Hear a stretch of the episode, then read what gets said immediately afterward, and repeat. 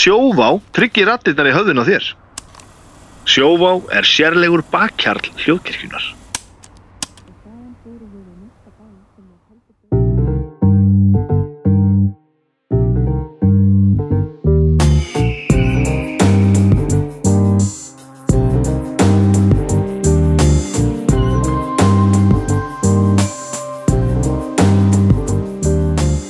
Komið í sæl og verið velkomin í bestu blötuna.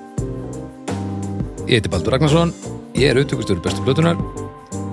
Eh, ég á alls konar græður sem við erum að nota, migramofóna. Við erum í, í turninum, hlókirkju turninum, þar sem að alls konar eh, spjall rennur inn í þessi tæki mín. Og svo er því glöða þarna þar sem að fólk getur valið hverju það pumpar af þessu inn í hlustinnar á sér til að e, líka upp á e, annars e, ansitt og mannraumveruleika við verðum bara að fara að horfast í augum við það. Þetta er náttúrulega frekar tilgera lítil tilvera sem við erum að, að, að busla í á hverjum degi. Er þið ekki saman á því e, ger, e, gestir mínir? Ég heldur betur. er það ekki? Er þetta ekki einn löng byggð bara eftir döðanum? Einn löng byð eftir já, nýjum þetta að bestu plötunni. Vikuleg byð. já ok, þú, þú ert aðeins minna dramatískur en ég. En, en þú ykkur? Þú er nú meira mín megin. Í sko lífsvilin hefur verið meiri en hann var í morgun þegar ég vaknaði sko. Já, var ekki? Jó, við erum að taka þetta upp á mánudegi. Já, og það kom svona vænasta rigningarslumma höstsins hinga til. Ógeðslegt. Í, í nótt og morgun. Það er mjög þunglindislegt. Já, allt grátt það er reyndar næs, ég bý í að bári þannig sko. Ég, ég bý reyndar í bári á súsi það er næs þegar það kemur svona svona þungrigning, Já, þá kemur svona stemmari. Það, ég, ég er ánægð með það sko. En svo náttúrulega þegar maður fer út þá er þetta bara rugl sko. maður á ekki að vera, maður á ekki að láta bjóða þessi svona rétt undir fertuð sko. nei, nei. Ha, Svo ég, ég fór aðna eftir síðasta sessjón, þá fór ég í svona uh, foreldrar að, að hérna, deyfa sig með brennivíni ferð til Póllands. já, næs Þar var bara 20-25 stegi hitti. já, hvernig var það? Það var bara geggjað. Svo kemur maður heim í þetta. já, ég veit það, þetta er, er illa með okkur farið veist, Pólland er ekkit eitthvað, tenni, ekkit í miðjarðarhafinu, sko. Nei, nei. Nei, svona er þetta. Við, það er auðljóst að þrátt fyrir eitthvað öryggi og allir, þú veist, fullt að tækifærum og við erum við allir með góðar vinnu og okkur líður vel í lífinu þar fyrir utan, þá er þetta náttúrulega bara andlega eðamörk og þetta er bara hörmulega tilvera. Við þurfum bara að fara að horfast í augu við það Já, já. og það. En, en við erum náttúrulega enga konir til þess að lina þessar þjáningar. Já, Eins og hægt er sem er. Mögum líka ekki glema því að sama hversu mikið það sökkar, Já. þá er vatnið úr krananum helviti gott. Við höfum alltaf það. Vatnið? Já. Já, segðu. Já, já, já, náttúran. Náttúran er drasl. náttúrun er eh, hún er drastlega vart í henni en svona, ef þú ert að horfa á hana, það voru að fínt Já, já, já. en vatnið, þú segir, já, segðu segðu, blessa vatnið já, já eh, en við erum ekki hingað komnir eh, til að tala um eh, þessa tilveru, við erum að reyna að gleyma henni Já. og við gleymum henni ekki með því að tala um hana heldur við gleymum henni með því að tala um eitthvað sem að uh, er pínuðu skemmtilegt og stundum bara alveg mjög skemmtilegt já. uh, einn og kynningu fyrst, doktor doktor Arnar að gert Jú, gott að sjá þig. uh, sumulegis, ef þú verður ekki doktor í tónlistafræðum í hverju verður þú doktor? Ég væri líklega doktor í félagsfræði. þú verður doktor í félagsfræði Já, og ég er unni doktor í svona músík félagsfræði. ok, Ég bara svona sá, ég fekk ljósaperu og sá að það var hægt að samina þetta og vera með eitthvað svona, svona músíklega félagsfræði, sko. mhm En þegar ég var í félagsfræðinni að byrja, þá held ég að þetta er þetta að vera svona alvarlegt, sko. já, já, já, já, já. og ég mætti ekki hérna fjallum félagsfræði tónlist að ég þyrfti að fjallum félagsfræði gamallra stopnana í Pittsburgh eða eitthvað sko. já. það væri ekki gaman Nei, ég, ja, það væri allt öðruvísi allavega já, var öðru, já, mér hraus hugur, ég hafði ekki áhuga á því sko. já, Nei. en ég hafði rosalega mikið áhuga á músík já, en ég var alltaf, það var alltaf svona smá doktor í mér þannig að ég ákvað saman að þetta tvennt sko. og kom aldrei til greina að verða læknir Nei, ég get, ég get ekki ég er þetta, í raunvísindum er ég alveg ræðilegur sko Já, ok, að því að þú, þú lítur út fyrir að þú getur verið læknir. Uh, uh, þú getur til dæmis verið að leika í IR svona, að, þú veist að þetta aðeins að klippa þig og raka þig Já. en þá værir þú svona viskubrunurinn á dildinni, sko eða bara- sem kemur ferskur af annar en allir vita hver hann er og svona. eða eitthvað svona maður sem býr í pappakassa og það þarf að aflúsa Já, það er fullt að tækifærum. En sko, ég, en ég er slappur en það voru okkur gaman stelpunar voru, þegar þær voru að byrja sinni starffræði hérna, já, já, hérna, þetta er gott hérna, þá þá hérna komu þær, þá þurfti ég að fara að reikna aftur, sérst grunnskóla og þetta rifjaðist svolítið hratt upp. Ég var svona farin að rissa upp einhverju dæmið þarna, en, en þú veist bara deiling og marg, sérstaklega deilingin þá var ég bara komin út í maður sko. Já, ok. Maður höndlaði þetta ekki En ég var að hugsa um daginn sko, því að nú er bróðin gjörningalistamaður. Mhm. En ef maður myndi horfa á ykkur tvo og ekki þekki ykkur Já, og maður ætti að giska á hvor væri er- gjörningalistamaðurinn, þá myndi ég alltaf giska á þig. það er rétt Kom það aldrei til greina að vera eitthvað svona, út í bróðin er mjög svona, hann, hann er mjög speisaður listamaður sko. já, já. Margt að þið sem hann hefur gert hef ég haft einstaklega gaman að. Ég held að, ég held að hann eigi skemmtilegasta gjörning sem að ég hef hýrt um. Nú, Já, ef ég man hann rétt, það er að segja.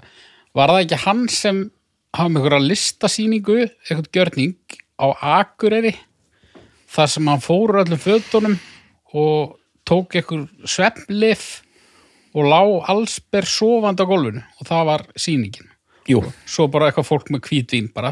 Já, já, hann lá þarna, lá, sko, lá einhvern veginn utan í kanti. Svona, já það, það, já, þetta var verkið, meira og minna, sko. mér finnst þetta stórkostlegt. Já, þetta er geggjað, þægileg innuðina Já.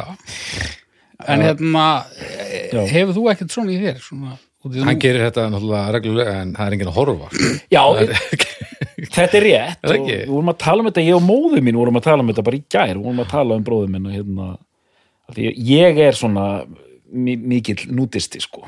Við vil helst bara alltaf vera allsber. Þú ert innspýtingin fyrir þetta verk Já, en hann, hann hefur nefnilega alltaf verið spérhættur sko. Nú, að var mjög sérstætt þegar hann fór að en hann getur þetta greinlega ef þetta er sett í þetta samhengi að vera sér, þetta snýst um samhengi sko. Langar ykkur að giska hvort ég sé mikil nútisti eða ekki? ég eh, þarf ekki skan En ég, ég hugsi ég sé með þetta sko. Ok.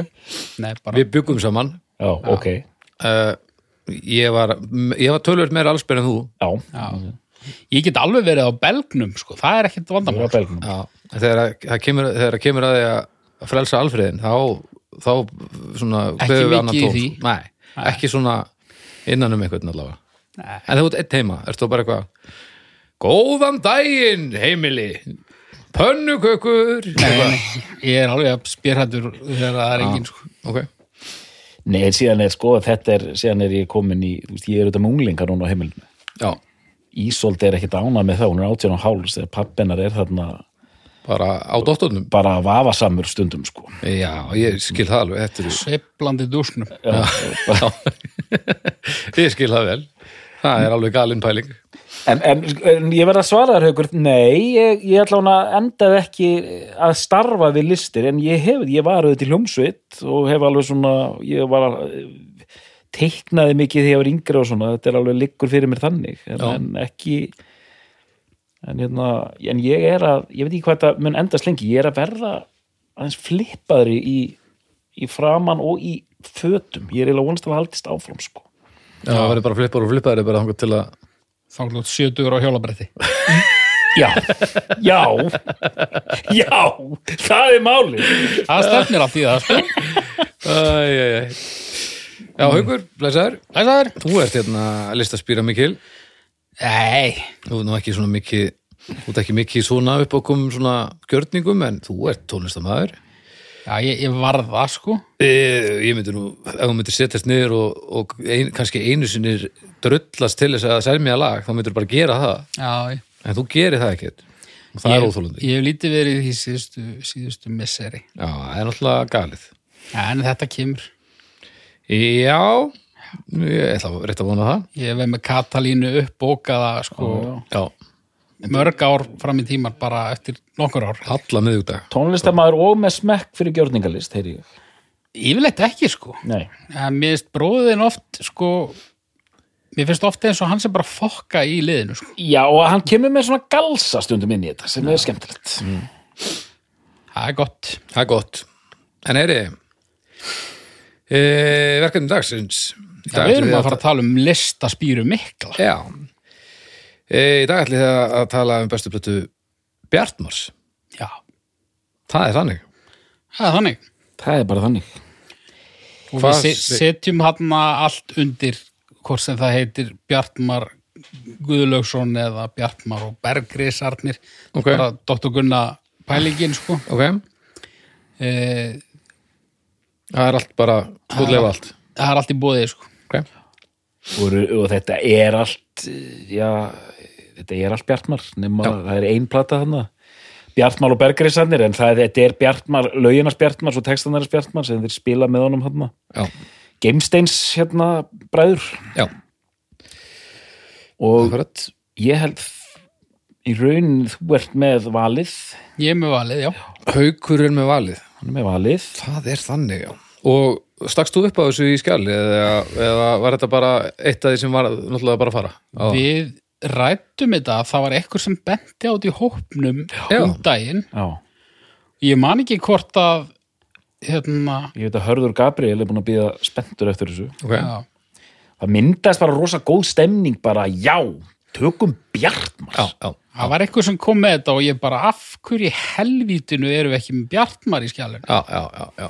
þannig að það er rétt Þannig að já, Algjörlega. Og við líka sko, við, við erum búin að vera latir í íslenska og við verðum það örgulega áfram en, en, en, en Bjartmar hann ætti nú að seðja hungrið í svolítinn tíma sko, því að þetta er, Já. þetta, er- þetta er feitu bytti. já, heldur betur Já, feitur biti og mjög íslenskur já, biti. Sko. þetta er helvít íslenskt sko Eri, hvernig vil ég gera þetta? Uh, það er svo aftur á móti ansið góð spurning sko. Skulum aðeins hérna í sammenningu þó að haukur veit meira en hérna för, rekjum þetta aðeins bara hans feril já, Hann fættur 1952 ok, á fáskrúðus fyrir því, hvorki meira en að minna. já. Þar fæðist hann á stofugólfi ömmu sinnar og uh, já, hann veit mikið meira sérst, hvað varstu þarna? nei, nei, ég bara las eitthvað viðtöl og alls konar ok, ok, ok Nei, þetta er gott út af því að sko Wikipedia síður íslenskra listamanna eru svo lélegar Já. að maður verður að fara til dæmis inn á tímarit.is og svona og þá fær maður allt öðruvísi info heldur en bara Rétt. svona eitthvað eitthvað hraðsuðu sko. já, rétt og hérna Ammas hún var klætt í uh, appilsinugula drakt. Já ég er að tjóka ég veit það ekki já, já, Mjög líklega. Nei, ok, nei, mjög líklega ekki. Hann hefði, verið yngri. Okay, hann já. hérna sjö ára gamall uh, flist hann á samt fjölskyldu sinni til Vestmanna eiga og þar uh, þar var hann uh, grunnskólan og, og, og framhaldsskólan ok þannig að svona Vestmanna meg alveg eigna sér hann svolítið sko. já. Ta bara hann- talar hann um sig sem vestmanni vestmanni, ég veit það ekki sko. Nei. en ég er bara að horfa þetta út frá mér sko, þetta er eiginlega nákvæmlega sami aldur sko. ég flytt í Garðabæ uh, sjö ára já, eða sex ára mm. og er þar fram yfir mentaskóla og mér finnst ég miklu meiri Garðbæingur heldur en uh, eitthvað vestur bær sko. já, þetta er hús, bara sama með mér sex ára á húsæk og, og svo Já. til átján og hann byrja líka að leggja stund á, á kveðskap já, í Vestmanneigum Mhm. og uh, sinnir bara svona alls konar vinnu bara svona eins og þú veist fiskvinnsla og sjórinn og, og þetta allt Já, skilur uh, er í eitthvað hljóðstum er trommari fyrst. Hmm. og hann ég las eitthvað viðtal það sem að segist svona alltaf líta á sig svona svolítið svona aðalega sem trommara. En hann hefur samt ekki trommað bara í 50 Já, ár sko. það er áhugavert. En það er grunnurinn. Ok, hann er í alls konar uh, bílskúrs sveitum mm. uh, dauðarefsing. Ég var að reyna að minna það. Dauðarefsing. Það var fyrsta hljósetir sem í. Sem trublaða nafn sko. Mjög gott. Uh, svo uh, þetta er svona 72 eitthvað slags 74 hljósetin umrót. Umrót, já ok, það er mjög nafn á þessum tíma Já. á Já, og, það, og, það- og það er ekki óviljandi sko. Nei. og svo byrjar hann bara fljóðlega upp úr því að semja texta bara ofan í aðra sko. -hmm. og hérna það er svona í kringum 80 þá er hann að semja texta fyrir bara hinn og þessa og e, úst, kemur bara strax í ljós að þetta liggur fyrir honum eða var þetta, veistu það? mm, ég veit það svo sem mikið en ég, ég gerir bara ráð fyrir því Já, Samt í liggur, tek- liggur fyrir honum samt í texta fyrir Björk til dæmis Já. einmitt. og hérna Afi og hann var að semja fyrir Rúna Júl hann var að semja fyrir bara, bara alls konar sko. Já, En það er einmitt, en ég teki eftir því sko að þú veist, hann er ekki mikið eins og sumi gera, hann er ekki mikið að hampa sér sem eigamanni eða sem östfyrningi. Hann vilst vera bara stoltur Íslendingur og síðan þetta bjóð hann heilengi í Danmörku sko. já, ok Já. En já, Uh, svo fer hann hann er á einhverju verbúð þarna uh, snemma 80s og þar semur hann fullt af lögum sko. þá var hann byrjar að dubla við að semja lög líka, ég veit ekki nákvæmlega hvernig hann byrjaði á því Hvað segir hann, verið byrjaðar að dufla við að, Dufla. að, að semja lög sko Já, já, já, uh, og einhver hluta vegna, ég veit ekki nákvæmlega hvernig það þekkti Rúna Júl sko en hérna, hann var búin að vera að semja fyrir Þorgir Ástvalds mikið og svona en, en hann langaði bara að gera plötu bara með sínum lögum Mm. og fá bara fullt af einhver liði til að syngja já. og hann talaði við Rúna Júl og hérna mætir í stúdíóið hans og er bara að lefa honum og held ég Sigurður Bjóla að heyra eitthvað demo. Mhm. og þeir hlusta á þetta og, og bregða sér síðan afsíðis og koma síðan tilbaka og segja heyrðu, þú syngur þetta sjálfur. Við erum búin að ákveða það. Já, og hann hafði aldrei sungið nokkuð tíma já. og bara, nei, ég, ég kann ekki að syngja. Hann, var að syngja, á þessum demóum. Já, Já, jú, jú, þú ert að gera það. Við, vorum ákveða, bannaði að breyta. Snertum aður reyður, snertum aður heiður. Átti ekki lottið Já. Þannig að úrverður að hann flytur þessi lög sjálfur. Mhm. þessi sem að voru síðan tekin upp á þessu löðveri og, og verða á hans fyrstu breiðskífu Mhm. sem kemur úr 1984 og heitir Ef ég mætti ráða. Mhm. hann fekk ekki að ráða þarna. Nei Takk fyrir þetta ykkur, takk fyrir þennan. En þurf, en við verðum samt að nefna núna þetta sem kom út þannig 82 fyrst, ætlaði að nefna það sérstaklega. Hérna, súrmjólkina? Já, uh, Nei, komdu með. Að sem sagt, það var sagt maður sem gátt plötu. Ég, mér minnir að það hafi verið Guðmundur Rúnar Lúðvíksson. Já, er það ekki rétt hjá mér? Jú, Hann gátt plötu árið 1982 Ok, þar sem voru tvö lög eftir Bjartmar annars vegar lag sem heitir Háseta vantar á bát mm. sem eldir ekki Bjarnahafi meðlan sem gið og séðan er lag sem þessi Guðmundur Rúnar syngur í raunni með Badnarött og það er þetta lag. Og það er sungið sko svona. Ég er bara fimm ára og na na na na næ na na na na na þetta nini bæ. Og séðan kemur þessi ótrúlega lína sem hérna rammar tólti Bjartmar inn súrmjólk í hátinu og seriós á kvöldin. Þetta er bara svona hverstagur eh, mættra Íslendinga rammaður inn hérna í tveimur sendingum sko. Já. og þetta var svo svakalegt dæmi ég man eftir þessu í útvarpinu og Móheiður var sko sex ára og spilaði þetta eina lag heilt sumar. Ó, guð. Gerði pappa sinn geðveikan og, hérna, og þetta lag var Það er mikill, rosalegt að gera það. Þetta lag var mikið spilað í útvarpinu í þessari útgáfi, síðan tók hann upp setna þar sem hann syngur sjálfur og Latti syngur með honum líka. Já, hérna, Eiríkur, í, í, í hlutverki Eiríks Fjallas en þetta, þetta var að fyrsta sem- og meiri segði, ég var mjög ungur mér fannst þetta svo ótrúlega flott hending. Súrmjólk í hátteginu og seri á svo kvöldin því það er þetta það er svona þreytta dæmi, þú komin að vaktinni veist ekkert hvað þú átt að gera. Þú sturta bara seri og onni krakkana sko. já, já, mér er sagt að þeir að þegar fréttatímin er. Já, allt þetta sko. Þetta er Þarna, annað- er- þetta er gott sko. og þetta er engin eðlur húkur náttúrulega. Þessi setning, þú veist, dætur mínar kunna þetta. Mm. það er ekki frá mér komið heldur þetta er bara að þeir hafa hitt fólk í heiminum. Já, hátteginu, seri og svo kvöldin. Já þetta er bara, þetta er bara sungið held í öllum leikskólum og, og bara þú lærir þetta sama hver þú ert og hvað er það, mamma er svo þreytt en þó mest á sjálfur sér Eitthvað svona. já, þetta er bara, þetta tengir ágætli inn í þess að drungalega upp af þessa þáttar sko. já, ég er svolítið grátt sko. já, grámi er mikil grámi í Bjartmari sko. já, það er ekki en, nú, en, en nú ætla ég að þegja og leifa þér að ráða hugur. Já En þetta var bara mjög góðu punktur. Ég, hérna, ég ætlaði nú ekki að sleppa því að minnast á þetta lag en, en ég er svona aðeins kannski hérna, fór fram úr mér hérna. Mm.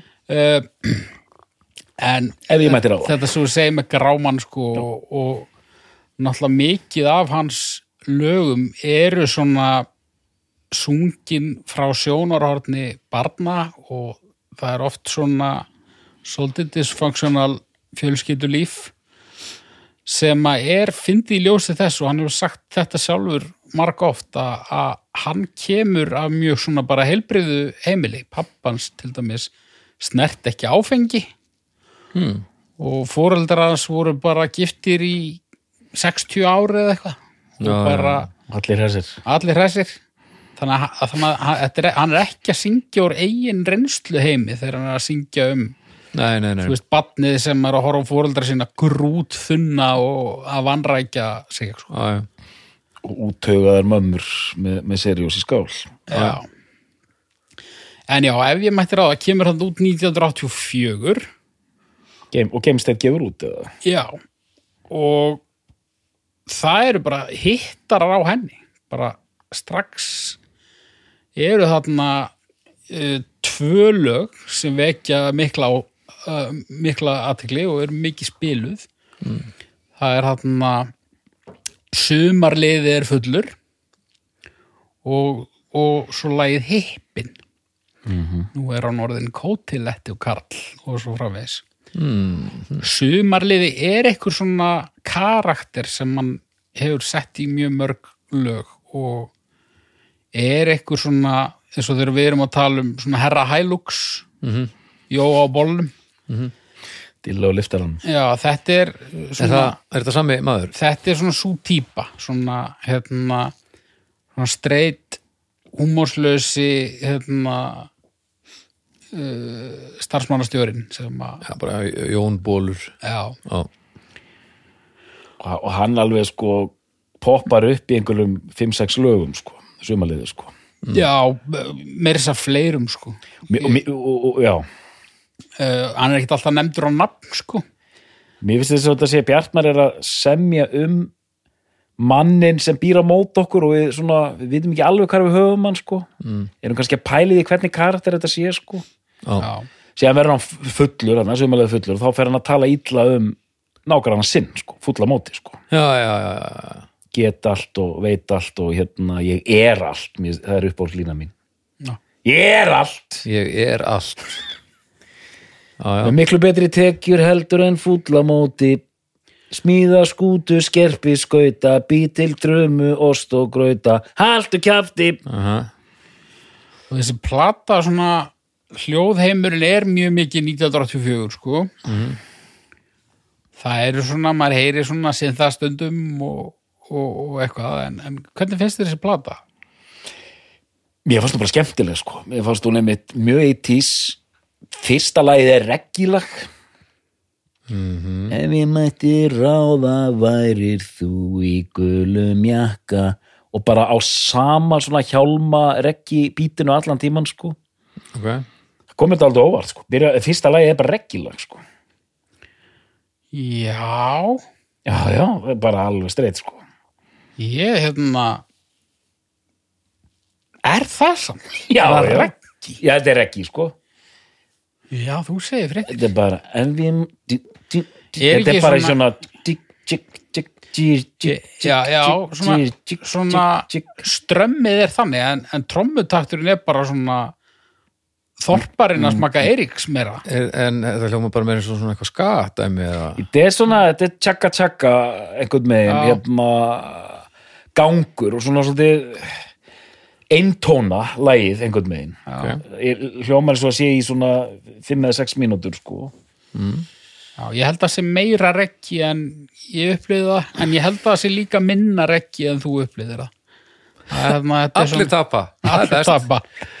En ég veit ekki, ég, ég þarf að hlusta á þetta aftur. En, en, en sko fíli, ég held að það er erfitt að orða ég held gaman það er það er eitthvað notalegt við að hlusta á þetta sko. Já, já Notalegt, en samt líka sko, það er þessi svona eh, íslenski eitís kuldi sko, já, já, einmitt. Sem Já, er svona, Þorparakuldin það er þorpara kuldi þarna sko. Já, já, já. en hérna, En e, þetta er vandað strax? Já, já. Vandað til verka? Já, já. Uh, Það er kuldið en það er búið að móka Já, en, en þú veist, þetta, þetta er ekki overproducerað en neitt þannig, sko. Meina, á þessum tímapunkti er hann bara svona, þú veist, þannig lagað, byrjandi, þú veist, þú veist, búin að vera að semja texta og, og semja einhver lög, þú veist, þetta er, þetta er er hans, hans frumburður. Já, og hérna, uh, en já, mér, finnst hún skemmtileg, sko, og hérna, uh, og maður heyrir það strax samt að sko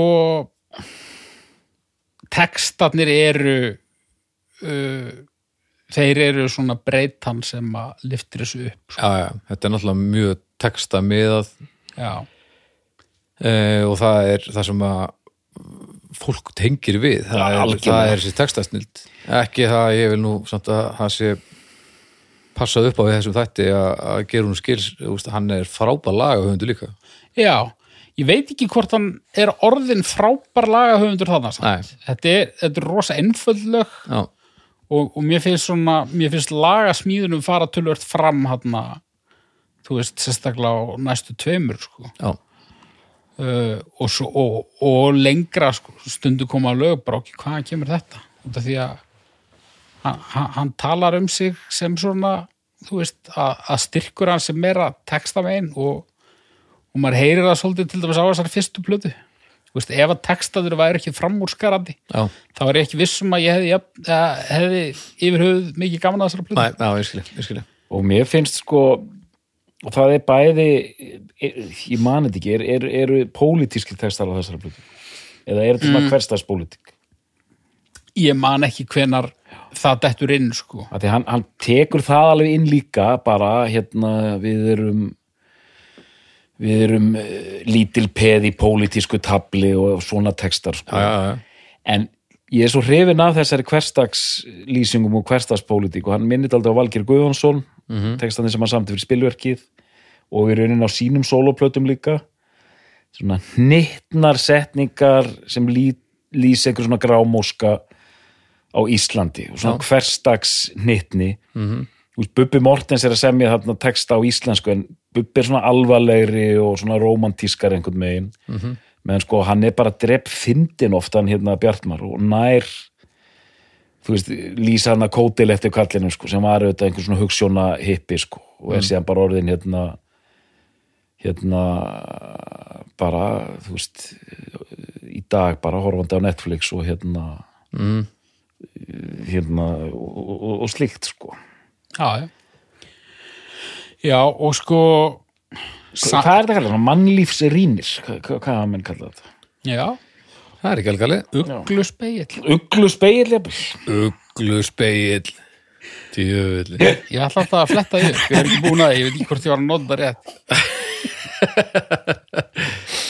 Þetta er bara, ugluspegil er bóttið bara hlutur sem að eiginlega enginn kaupir. Af því að að- að- að það eiga svo fáir uglur og það gera svo litla gröfur á þetta ef maður á hana. Já. En sko það kom alveg bubba líkingar setna sko þú veist, mér finnst svona mér svona á, ákveðnum momentum uh, finnst mér ég heyra þarna samhljóm sko, en mér finnst það ekki þarna þessum fyrstu tveimur allavega. Uh, önnur platan kemur út strax árið setna 85 og hún heitir uh, venjulegu maður venjulegur maður, já og hún er svona uh, það voru ekki að miklir hittar á henni en mér finnst hún hérna, framför töluverð tónlistarlega mm. uh, upplýðir þú það? Nei, ég, þetta var í gröt hjá mér sko. Mér varst þess að tvær fyrstu að þær eru líka gefnar út saman sem tvær fyrstu. Já, Ég hlusta á þetta einu sinni bara á repeat heil lengi sko og þá einhvern veginn fór þetta bara allt í sama dæmið sko.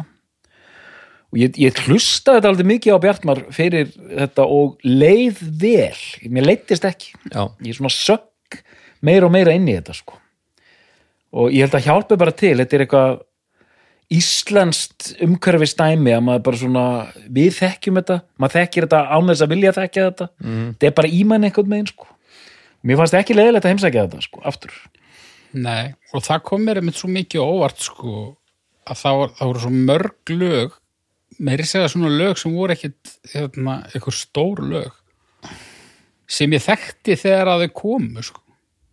þannig að þetta hefur einhvern veginn náð að, að síjast mm -hmm. inn í beinin á manni einhvern veginn sko já það er nú kannski ákveðtis pælinglega. Hvernig komið, hvernig, hvernig byrjið þið að hlusta á Bjartmar? Munið það? ég, sko, ég, þetta var spilað bara talsvert í útvarpi. Mhm. hann byrjar að spila líka live bara strax. Hann og Pétur Kristjáns eru mikið að spila saman sko. Mm þannig að hann verður uh, þegar hann ákveður að stíga fram sem tónlistamæður og þeir hann að skipa honum, nú syngur þetta bara sjálfur. Mhm. og þú veist, hann er ekki mikill söngvari, ég, ég skil hann þegar hann segir bara, ég get ekkert verið að syngja, ég, ég er ekki með, með röttinni það, en hann er bara að sagði, þú bara syngur. Og hann er, þú veist ekkert, uh, bara og Dylan og fleiri svona menn sem eru kannski ekkert með neitt merkilega rött, en hann er samt með bara sína rödd, ég get ekki sagt þessi lélugur söngvari. Nei, veist, hann, nei, hann er ekki liðlusöngari Nei. hann er með mitt merkilega Já. hann, hann er engin, er engin stórsöngari þegar kemur einhver tækni og eitthvað en hann er með mjög, veist, hans rödd. Já, já, er þetta- mi, svona mikilvæg rödd sko.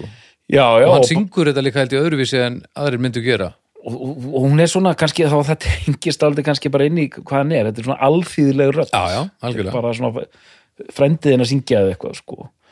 mitt en hvernig heyrðu hann, ég meina ég heyrði þetta aðeins þarna, átt- en, en þú veist, síðan breytist þetta allt, ég er rauninni bara með þriðublötunni sko, mm.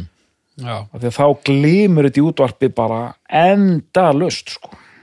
það er hann Já, þetta var sko ég, ég þekkti Bjartmar sæmilega áður en að þriðaplatan kemur bara því ég man að þetta var rosa mikið spilað heima hjá frængu minni einni. Veist, þannig að þessi lög hérna, uh, sumaliði og, og þetta allt veist, ég, ég þekkti þetta þó ég hef ekki kannski hlustað á þetta sjálfur sko. En svo er það hérna fyrir jólin 87 þar sem að ég fæ bara þessa þriðju plötu bara í jólagjöfurgla ok. Og hérna það var bara eins og með svo margar plötur á þeim tíma að þú, þú fegst bara plötu og þú bara hlustaðar á þá plötu. Við hlustaði alveg hryllilega mikið á þá plötu. Já, já, já. og hérna, ef að hoppa í hana kannski? Já, já, þá er hann komin að stort merki. Já þá er, veist, hvað stein? Steinar. já, Steinar sem gefur út. Einmitt. Þannig að hann er með svona backup. Þannig að við erum með báðar tvær fyrstu eru success sko, já, það er vekja aðtigli ég veit ekki ég veit ekki hversu mikið success þessi númer tvö var sko. það, var- það, var, það var engin svona lög sem að voru eitthvað risastóra af henni Ok, uh, og ég veit ekki hvernig dóma hún fekk eða, eða hvernig hún seldist sko. en, en, en það skiptir eiginlega engu máli vegna þess að þegar að þriðaplatan kemur þá er allt hitt bara hjóm sko, við. hún var svo hryllilega, hryllilega stór já og hérna vídeo mættasvæðið. Já, Video þrjú vídeo að mistakosti sem að ég fann. Mm veit ekki hvort að það voru öll svo gerð. Og hérna, þetta er platan í fyllt með fullorðum. Ég tefli henni fram. Það er þannig. Og sko ég reyndi þessu í gat að sko svona finna hvort það væri eitthvað önnur plata þarna sem að kæmi til greina sko en já já svo sem en bara þessi plata er svo mikill hluti af mér að ég bara veist, þetta er bara þannig Þetta eru tilfinningarök samt líka. já, að svo hluleiti sko Doktor, þú varst pínuð brúnaþungur þegar hann sagði út, þetta. út af því að hún er ekki Þú marksaðist allir upp. hún er ekki sko hún er ekki gegn heil að gæðum Nei, en sko ég hún er tíu laga skulum segja að hún sé 70% skoteld ok. 60-70% skoteld ég hef ekki sterkar skoðanir á þessu Ok. Þetta er svona, og það er engin ein plata með Bjartmari eins og Haukur var að ræða um hérna, og ég sammála honum að hérna það er engin ein plata alveg 100% einhvern veginn sko. að hérna, Nei, hann er svona lagamaður bara Mhm. og ég meina ef við tökum líka bara þú veist þetta er svo skitt svo dæmi sko. við getum farið þetta lag fyrir lag en til dæmis bara þú veist það er eftir á að hyggja mjög undarlega ákvörðun bara að þú ert með plötu svona söngva skálda dæmi sko Já. svo ekki bara lag sjö featuring Latti Já. Sem Eiríkur Fjalar Já. bara þú er bara búin að vera í einhverju betri samfélagsrýni og svo bara dói En það er mjög furðulegt sko. það virkaði. það virkaði virkaði. en sko og lægið Já. bara ekkert á mótu þessu lægi ég er ekki viss um að það þetta lag sé á þessari plötu sé endilega gera hana betri Nei. Alveg burt sér frá gæðum lagsins já, ég vil, ég vil uh, ekki, það er til dæmis sniðurlag. já, Þetta stökkva, er ekki uh, brúin þarna? Það er stokkið alltaf fyrri helmingurinn í, í tríjólum og svo er það fl- flatt út, er ekki að munna þetta rétt? akkur, baldur hann að tala kínver sko.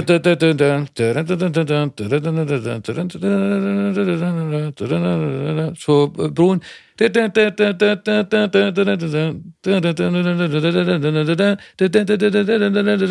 Þá er það flatt út í setjansketi já, þú, ég veit ekki hvort það skiptir máli en þú varst að gefa svo helviti mikið fleiri atkvæði sko en Já, uh, já, ég var bara að gera það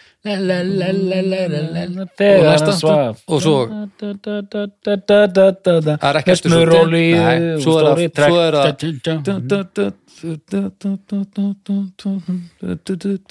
Er ekki, ég held að sé, sé hann farið út úr tríólunum í setniskiptinu það getur verið það er til dæmis mjög mjög klefur sko já, en þarna, hérna þurftum við að beita þetta búið að vera svolítið aðteklisverð þetta grúvar til dæmis já, já. Sko. og sko þannig erum við líka að tala um sko hann er ekki með einhverja hérna, rugguhesta á hljóðfærum sko. já, ég ætlaði einmitt að fara að tala um það mættur bara með messoforti nánast þegar svo hún leggur sig sko. já, það er, það er rithmið þar þú getur að stokkja úr tríólum yfir eitthvað annað með þann mannskap sko já, Þetta er svo, sko, þegar við erum að tala hérna um erlendar hljómsveitir og erlendar listamenn, þetta er svo auðvelt, maður fyrir inn á Wikipedia og það er bara persónel við hverja einustu blötu. Mm. Hérna þurfti ég, ég var komin í það að fara inn á hljóðskrá.is eða hérna hljóðsapn.is Mm. og þar er fólki búið að skanna inn geisladiska eh, bæklinga. já, Þannig að ég gætt fundið að þar og þurfti að svona, hérna, summa út til að lesa hvort að hérna, Gulli Brím var að tromma með ekki. Sko. ok, En byrja, já, var messafórt þannig meir og minni. já þú veist, þetta, þetta er Gulli Brím þetta er Freyr Karlsson, svo eru fleiri sko, þú veist, Gulli Brím trommar svona kannski 5-6 lög svo eru ykkur tveir aðri trommara sem tromma á mótunum og eitthvað. En þetta er svona og, og sérst Gulli og Friðrik þeir stjórna upptökum lasi en, en Gunnar Smári er líka eitthvað hann Gunnar Smári Helgason. Ætli hann sem bara þá engineer eða? Já, hann var oft hann svona öflugur hljóðmaður eða upptökumæður sko. já, svona að, að taka upp en ekki já, ekki að pródúsera kannski. Nei, nei, hann var svona mikill svona emitt hljóðupptökumæður sko. já, en þarna kemur þetta lag, þetta er kannski besta dæmið fyrir textasmíð hérna eh, Bjartmars að þetta er textin við lagið hérna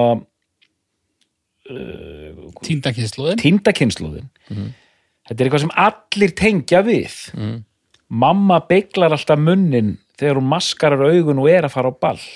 Sem allir tengja við nema Bjartmar. Já, nákvæmlega. Hérna, og, og, og hvað var hérna? Hann er svolítið eins og Dolly, alltaf að setja sér svona í fótspor Já. annara og búa til sögur. Pappi kallakóki sípur, hann er með eyrnalokk og strípur, hann er að fara á ball. Já og hérna mannstu eftir John, mannstu eftir Paul réttu mér kveikjaran mm. drifðu þið nú svo við missum ekki af Gunna og sjóin Já, því Gunni Þórða var með einhver bítlasjó á Broadway sko. Já. og ég ætla bara ég ætla bara að koma sjátt átt strax sko, og benda fólki á uh, fílalagsþáttinu um tíndu kynsluðina sem að er dásamlegur. Ok, og ég mér svo að hlusta á hann bara í gær. Já, næs og hérna þeir fara bara í klukkutíma djúb köfun í þetta lag sko. -hmm. sem er mjög bæði fróðlegt en, en fyrst og fremst skemmtilegt Já. uh, en þetta lag verður náttúrulega bara fáránlega vinsælt sko, og, og er svona hans lag sem hefur lifað hvað lengst sko. Sniðurlag, Já, það flakkar það flakkar um tóntegundir uh, húst, þetta er rosalega skringilega uppbyggingu á lagi já, og það er í rauninni alveg galið að langflestir íslendingar kunni þetta hann eða getið sungið með að þetta fer, fer upp og svo fer þetta niður aftur og svo fer þetta aðeins ofar og, og svo kemur viðlag og þetta er svona einhvern veginn. Það er samt til dæmis það er, það er erfitt að benda eitthvað einn kapla sem viðlag í svo lagi. Er þetta talubaldur það einmitt er í svona rauninni bara ég myndi segja að viðlagið sé í rauninni pappi geflar alltaf munnin frassin sko. Já, það er eiginlega húkurinn sko. Já, En eftir að tala um einmitt þetta Manstu eftir pól, manstu eftir Manstu eftir Já, sko, að, þú kveikjana veist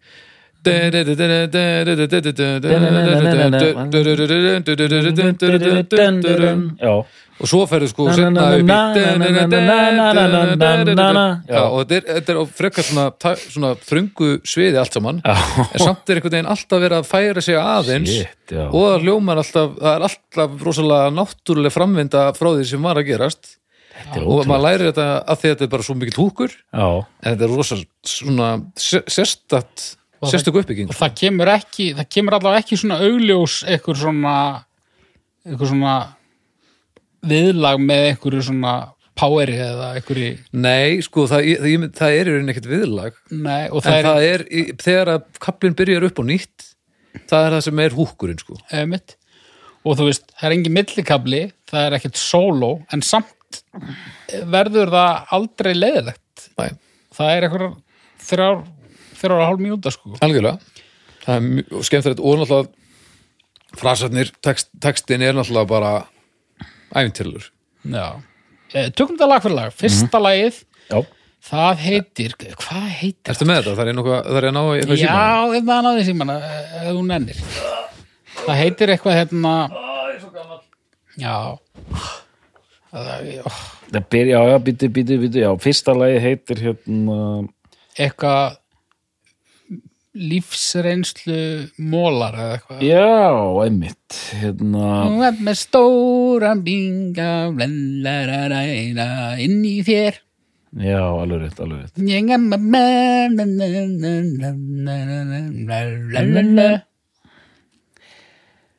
Hvað heitir þetta lag? Baldur er Sko, ég er, ég er að frætta þetta upp hvað, hva, bara hvað er ég ætti að finna þetta sko. Og, og, og á þessari plötu er einmitt hérna Já, íslensku nefnilega síðurnar er ekki nógu Nei, nei, nei, sko. hérna það er með hérna, já Ég held þú færi bara á Spotify Já, er ekki alltaf einhverja skrýpla útgáfur þar? Eða? Ekki á þessari plötu allavega Ok, þá fer ég bara á Ég held að Spotify. þetta er lífsreynslu mólar En ég ætla líka að ég vil ætla að se- bara sjáta á það að þegar ég skrifaði Bjartmar þá autokorrekt það stakk upp á réttu, réttir í lokun þannig að hann er það stór partur af íslensku, íslensku menningu að autokorrekt er með hann sem, sem sagt, uh, uh, það næsta. Það kemur bara Guðlöksson upp næst. Þetta er ekki örgulega að tala um hann, þann Bjartmar. Einmitt. en hérna uh, hvernig kemur hún út aftur? 87 87. Já, lífsreynslumólar Lífsreynslumólar Hvað, hvað sagði ég að uh, Lífsreynslumólar Já, ok. Já, aha, já, ok já. Skemmtilegt lag. Bara, og maður heyri það svona hann er í svona þessu ró hann er í meiri svona róleheita stellingum sko. Hann er í meiri svona trúbátora stellingum þó, þó að bandi sem með honum eiginlega alla blöðuna uh, og svo bara kemur lag 2, týnda kynnslóðin sem að við erum búin að ræða hérna. Heldur betur. Uh, ég var eitthvað að pæli hvort þetta fyrsta lag væri skrítið opnunalag en nei, nei, það, veist, þetta meikar alveg senn sko og svo kemur hérna lagið sunnudagsmorgun sem að er svona eiginlega týnda kynnslóðin 2 já, sem gerist þarna morgunin eftir þetta söppudjam sko. og það var einmitt gert vídeo við það líka. Og það er svo magnað sko, það er alveg metnaður í þessum vídeo, sérstaklega í týnda kynnslóðin sko, það er alveg tekið upp á setti og bara svona litrikt 80s já, já. dæmi sko. Ég man ekki hvernig það er. Er það, er það gert í sama sessjónu og coverið eða? já, já, að því coverið er geggjað. Það er ógeðast, úst, það er ekki tímalöst Nei, nei. það þarf ekki neitt að vera tímalöst það Nei, er geggjað. Og jafnvel þó að maður myndi mask út allan bakurinn þá væri það heldur ekki að höfuðið á Bjartmari það er alls ekki tímalöst þannig það er mjög afmarkað í tíma. Það er mjög afmarkaði tíma, já Hann, já, e- ef, að, ef að einhver veit ekki hvernig hann leit út þarna þá leit hann bara út eins og Ossi leit út á þessum tíma sko. hann lítur bara út fyrir eins og hau, höfuð lit út 87, Já. bara alveg. Geggjað höfuð. Bara svakalegt möllett já, möl, alveg. Og, og svona samt svona ekkert suppumöllett þetta, þetta er svona já, já, þetta, Kall, þetta, Kallamöll þetta er svona, Já. þetta er svona cool, cool möllet borgartúnsmöllett þetta er svona, já, já, þetta er svona borgartúnsmöllet. Ákvæða uh, og hvað, hvernig gítar þetta? Ovation eða?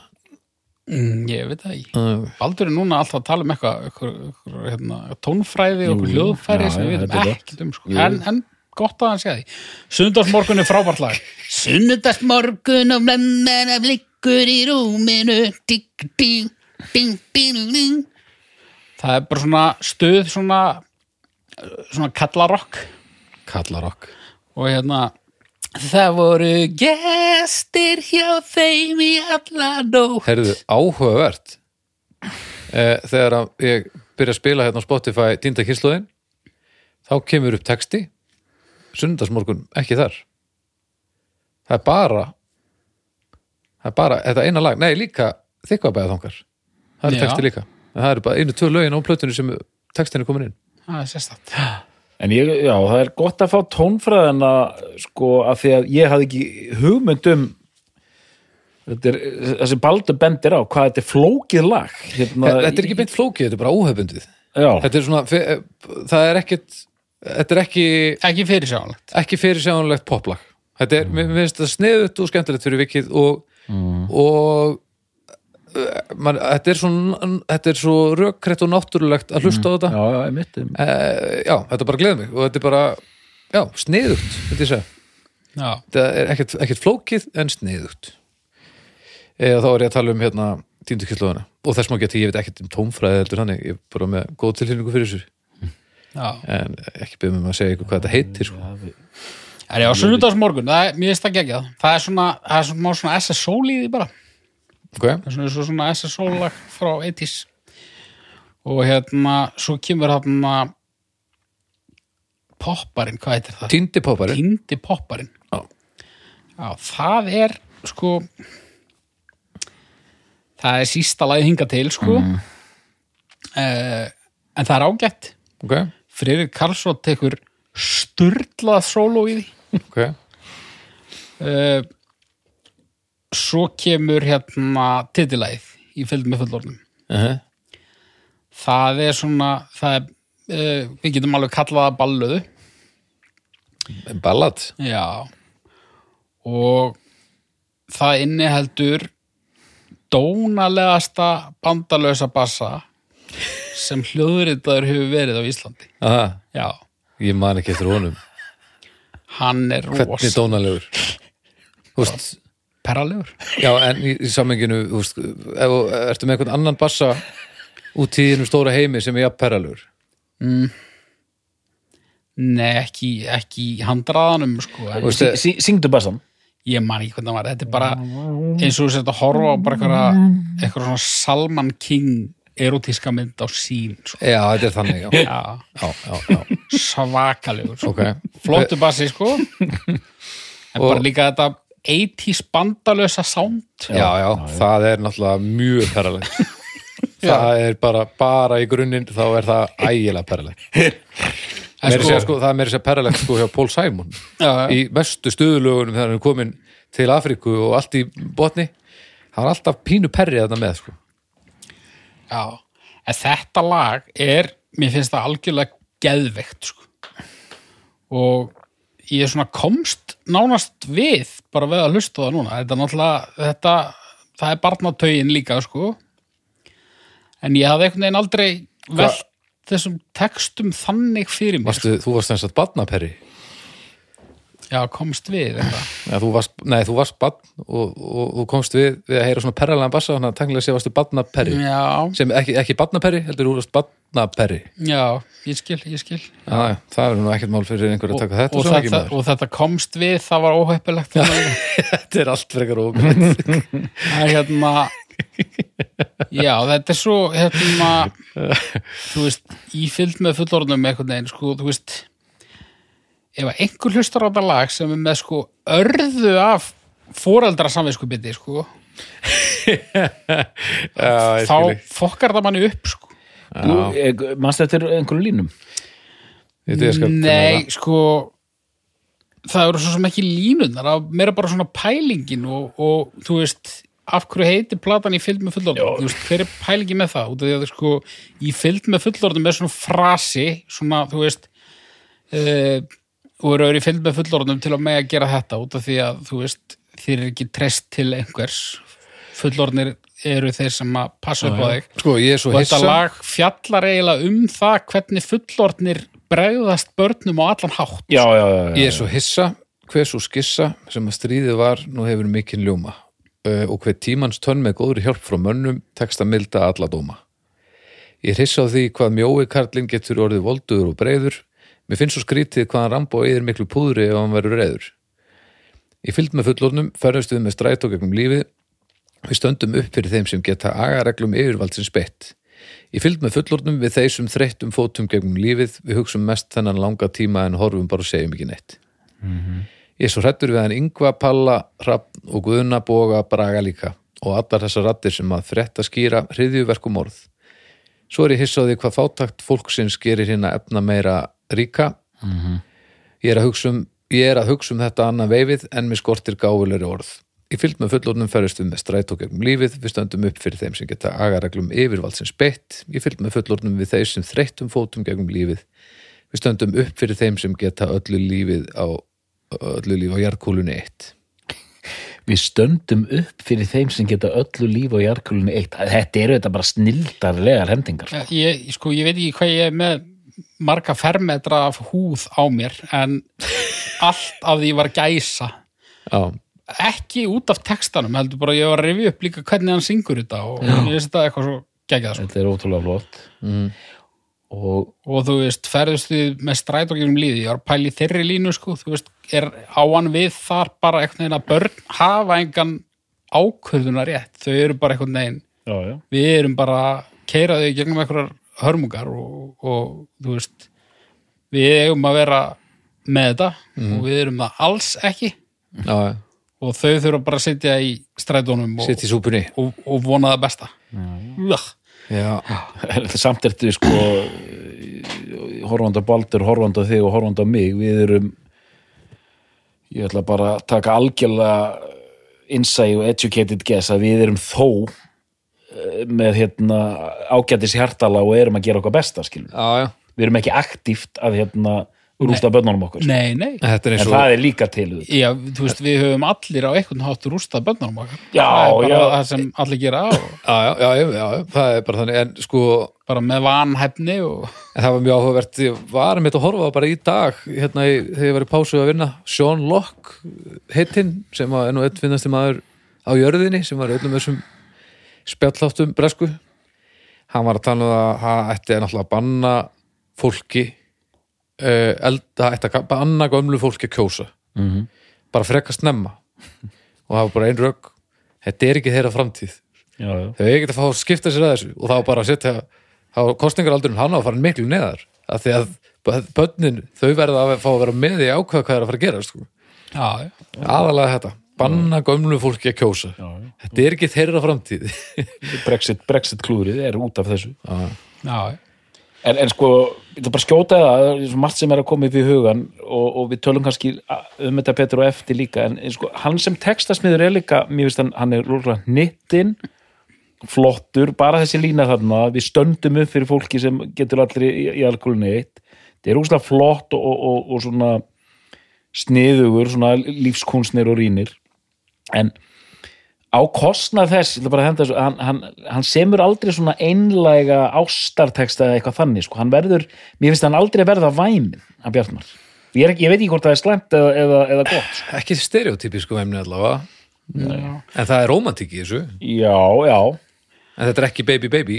Nei, þetta er ekki baby baby, sko, og þetta er ekki, hérna, þú veist, hann semur ekki kannski, hérna, þú hefur fyllt mér í gegnum árin 60 og ég elska þig, elskar mín, eitthvað svona, sko.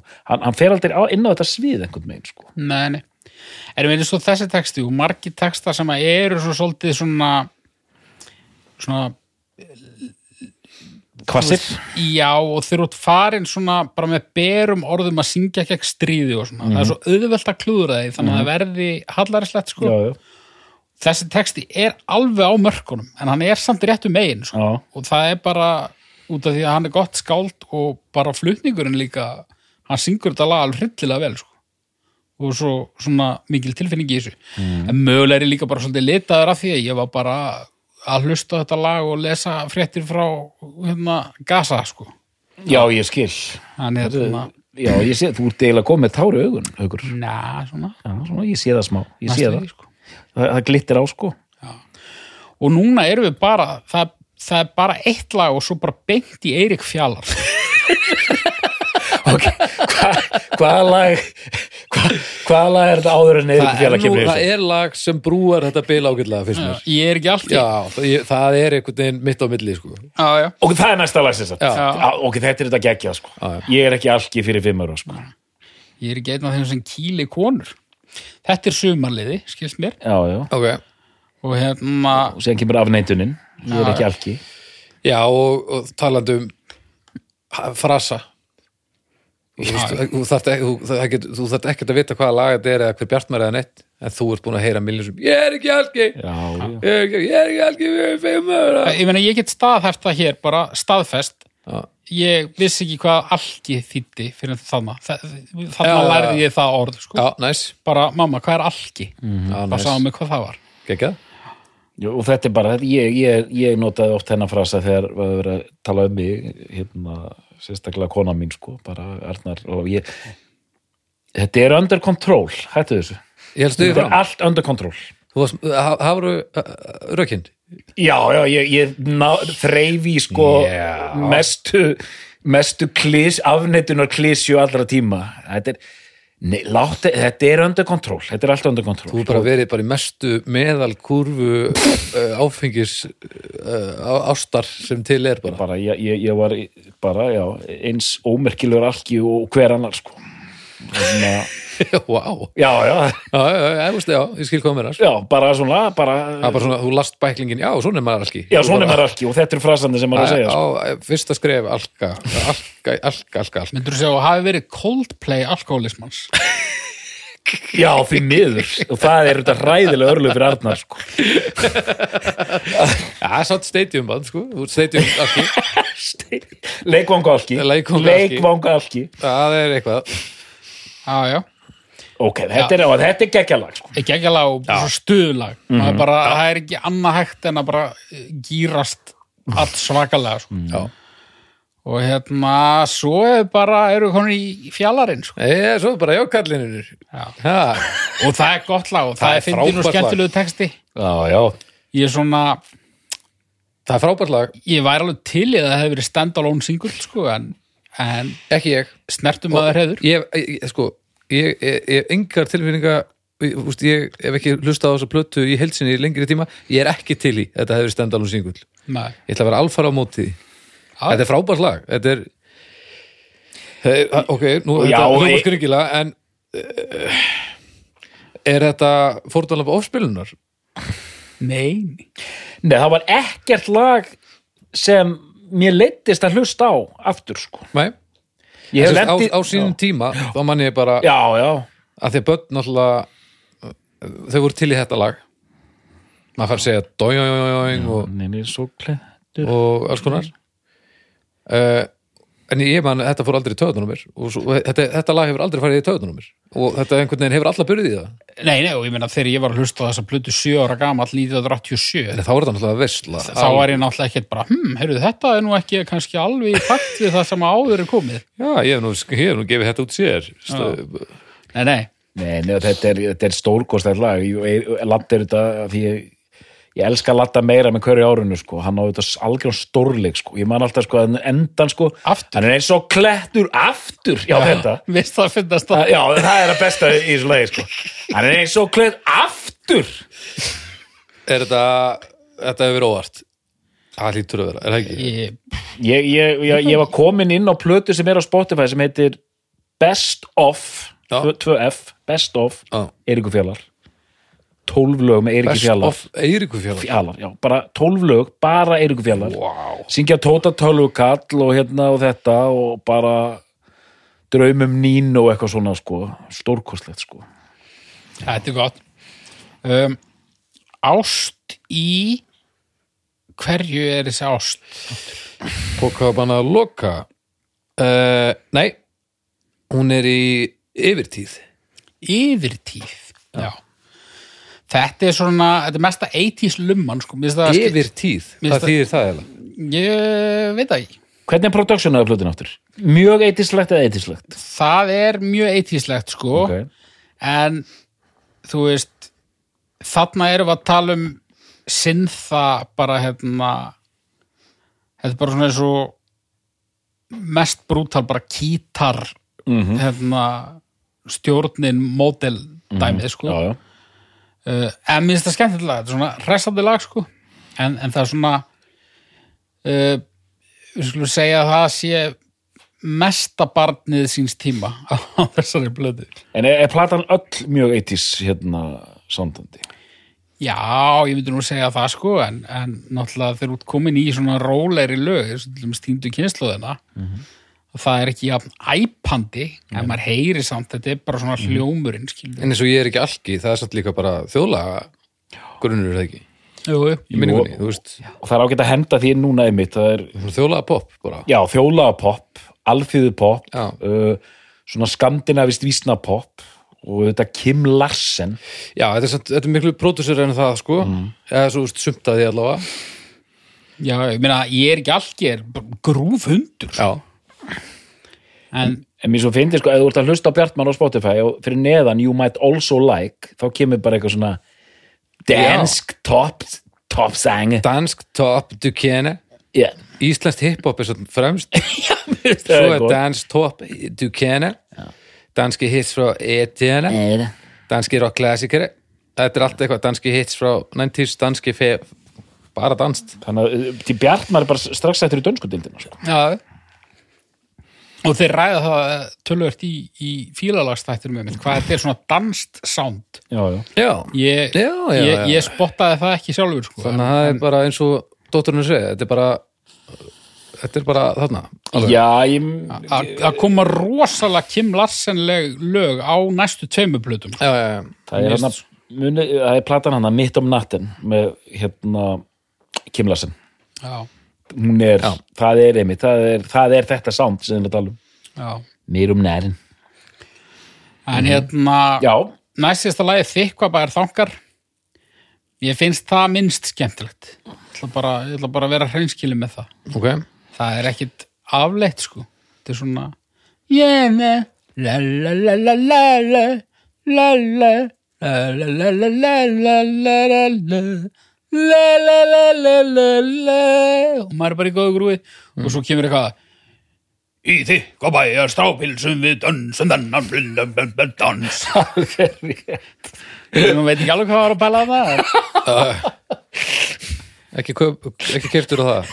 En svo endur við þarna á sko lægi sem að heitir Sound of Music. Mhm. Ég hef ekki heyrt þetta lag síðan bara leikt tímann 80 sko. En þetta er lag sem ég er búin að vera með í höstnum í sko meirinn 30 ár. Já, þetta er bara svona lag bara, það gerist bara reglulega ég er ekkert- ekkert að tala um vikulega þetta gerist reglulega og hefur gerst bara alla mína fucking æfi Mhm. þá f- fæ ég þetta lag í hausinn sko. ok. Og bara eitthvað textabrót eða eitthvað kabla og ég var mjög spenntur að vita hvort ég myndi rétt eftir þessu lagi. Ok, og hérna, ég myndi rétt eftir laginu. Ég myndi alls ekki rétt eftir útsetningunni. Ok. Þegar í minningunni er þetta bara svona svona drungalegt svona spagetti vestradæmi sko. og það byrja vissulega svolítið drungalega en svo kemur bara mesta 80s dæmi bara hérna eitthvað svona eitthvað svona gated reverb trommur sko. Ok, ég var alveg búin að glema þeim sko. Já, já, já. En þetta lag er maurasýra. Já, Já, þetta er algjör maurasýra. ok. Manst þetta fyrir lagi, Arnar? Nei, Sound of music er meiri háttar mynd. Að hlæjað henni er svífyrðileg synd og svika blott. Já. Við reynan málstaðinn Edelweiser. Og þetta lag bara það er fáránlegt, það er ekkit við þetta lag. Það er engin ástæði fyrir ég er búin að vera með þetta í höstnum allan að tíma. Mm. en bara það það, er eitthvað. Ok, gott lag samt sko. já, en fáránlegt lag. Fáránlegt lag. Þannig að já, svona er þessi plata sko. þetta, ég, ég tefli þessari fram mikið til tilfinningarög en samt líka við erum að tala um sko fyrstu fyrstu þrjúlaugin rock solid. Já, eh, ekki að pröfuna lagi fjögur 5, 6, 7 rock solid. 8 og 9 vafasum, fíla 10 Sko, já, tilfinningarög, en þetta er líka pík. Við getum alveg sagt það. Sko, algjörlega og erum við að tala commercial peak, sko. Ég var að, ég baðum, ég, ég leitaði eftir gögnum frá doktornum, sko, því ég var svo forvitin að vita út þegar hún mókseldi þessi plata. -hmm. Sama ár kemur út dögun með Bubba, sem ég held að sé alveg pottið hans mest selda sólplata ok og mér langaði að bera þær saman. Já, Og doktorinn fór í doktorsskjóðuna. Já. Já. Og sko, þetta eru, plut, þetta eru tölur frá 91. hann fór úr öllu heima á sér og fór að fletta í, í skjálasafnuru maður veit, maður veit ekki alveg, þú veist maður verður bara að treysta þessum tölum en þetta eru tölur frá 91 og þá erum við að tala um sko að bubbaplatan var í 19.000 og í fylg með fullorðnum var í 14.000 Já, sko dögun sem er mest selda bubbaplatan. Já, þannig að það er náttúrulega, þetta er ævintýraleg sál þetta er slegja já, Þetta, þetta er bara plata sem er til á öllum heimilum Já, já, já, já, betur. sko. og sko á þessum lista sem þú sendi mér sem var frá 91 þá var þetta áttunda mest selda plata Íslandsögunar það hefur náttúrulega verið toppa margóft sko. ég var að eitthvað er hann að googla þetta áður en ég óskaði eftir doktorshjálpinni og þá var maður að sjá eitthvað, þú veist, áskýr trösti með 40.000 og, og eitthvað svona dæmi sko. og ég, ég þór ekki einu svona að uh, tekka á bakalúti Nei, þetta eru við. Já, já. en hérna en já hann var þarna sko jú, jú, það munar þarna nokkrum þúsurum á þeim en það er samt rosalegt að mun ekki meiru á honum og bubba þarna Mhm. það er eiginlega svakalegt Já, en ég held að hann hafa aldrei komist nálagt þessari sölu aftur sko. Uh, með vottur í leikfimi kemur út árinu senna já, uh, líklega svona tímalösasta plötu umslag já, uh, sem uh, prentað hefur verið hér já, ég hugsa það. Ég, Þetta geta alveg verið að koma út núna. Já. um, og þú veist ég er ekki að fara í þessa plötur lag fyrir lag sko, en Nei, nei. veist, þetta, er, þetta er allt frekar skemmtilegt sko. Já, lægið með vottorleikumi var spilað rosalega mikið, það var vídeo, það var spilað rosalega Já, mikið. var nefnilega ekki vídeo, ég var að leita að vídeoun og ég fann það nefnilega ekki sko. Það var, ég eftir þessu vídeo, það var bara einhver krakkar að hlaupa út um allt sko og hérna spáði þessu sko, þetta hann kemur, voru þeir í apaskinn skölum mm, hann ekki, hérna, þe- þetta er plata sem kemur út árið síðar, nú þarf að hamra já, og þetta lag er rosalegt sko. Hérna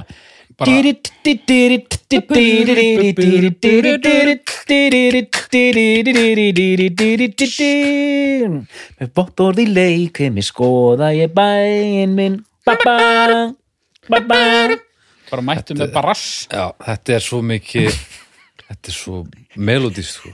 já, já, þetta er bara, þetta er mjög skemmtileg lag. Gæðvett lag sko. og það er það er fullt af skemmtilegu lögum hama ég, hérna, við erum ekki farið ítarlega í þessar plötur nema, nema doktorinn sé Nei, ég bara ég... Ykkur, hérna. en þetta er hérna, með votturleikfumi, Skáldin. Skáldin er frábært lag. Eh, uh, Tóltömmut 12-12 töfarar það er ekki frábærslega Nei, það er rosalega krefjandi lag Aha. getið sattir, já, rosalega krefjandi lag hvernig þá? Það er eitthvað, það það er bara eitt, það er eitthvað svona la la la, tóltómu töffarinn í útvarpinu, jara jara jara og síðan eitthvað. Hamborgara tilbóðið eitthvað, truflaði mig, hambúrgara tilbóðið truflaði mig, hambúrgara tilbóðið truflaði mig. Hambúrgara, og síðan er þetta bara endalust hambúrgara tilbóðið truflaði Já. mig ekki undir 800 sinnum. Ok, verður þetta eitthvað svona þetta svona yðnaðar uh, pop eða? Algjör svona throwaway sko, og nú erum við að tala um sko kort er í hamfarir, sko, fimm mínútur í hamfarir Jú, jú, ok. Þetta er bara svona skemmtara geðveiki og ha, hérna, hambúrgara tilbúið truflaði mig, sko. Ok, þetta er nánast ofurðulegt, sko. Já, að því hann á þetta til að semja svona algjör grallaralög líka, sko. Já, já. Á Svo þessum það- tíma, og sko. oft, oft gengur það upp. Minnst það bara ekki gera það þannig sko. svo er það Bastian svo Sólarlanda Bastian er eitthvað sem hann samdi sem svona mótsvar við uh, læginu við Reykjavíkur tjörn eftir Gunnar Þórða og Davíð Oddsson. Já, hérna Bárjátshús við Bergþúru Götuna. Mm. uh, þetta er eitthvað svona útburður á bara einhverjum fátaklingum Já. ok.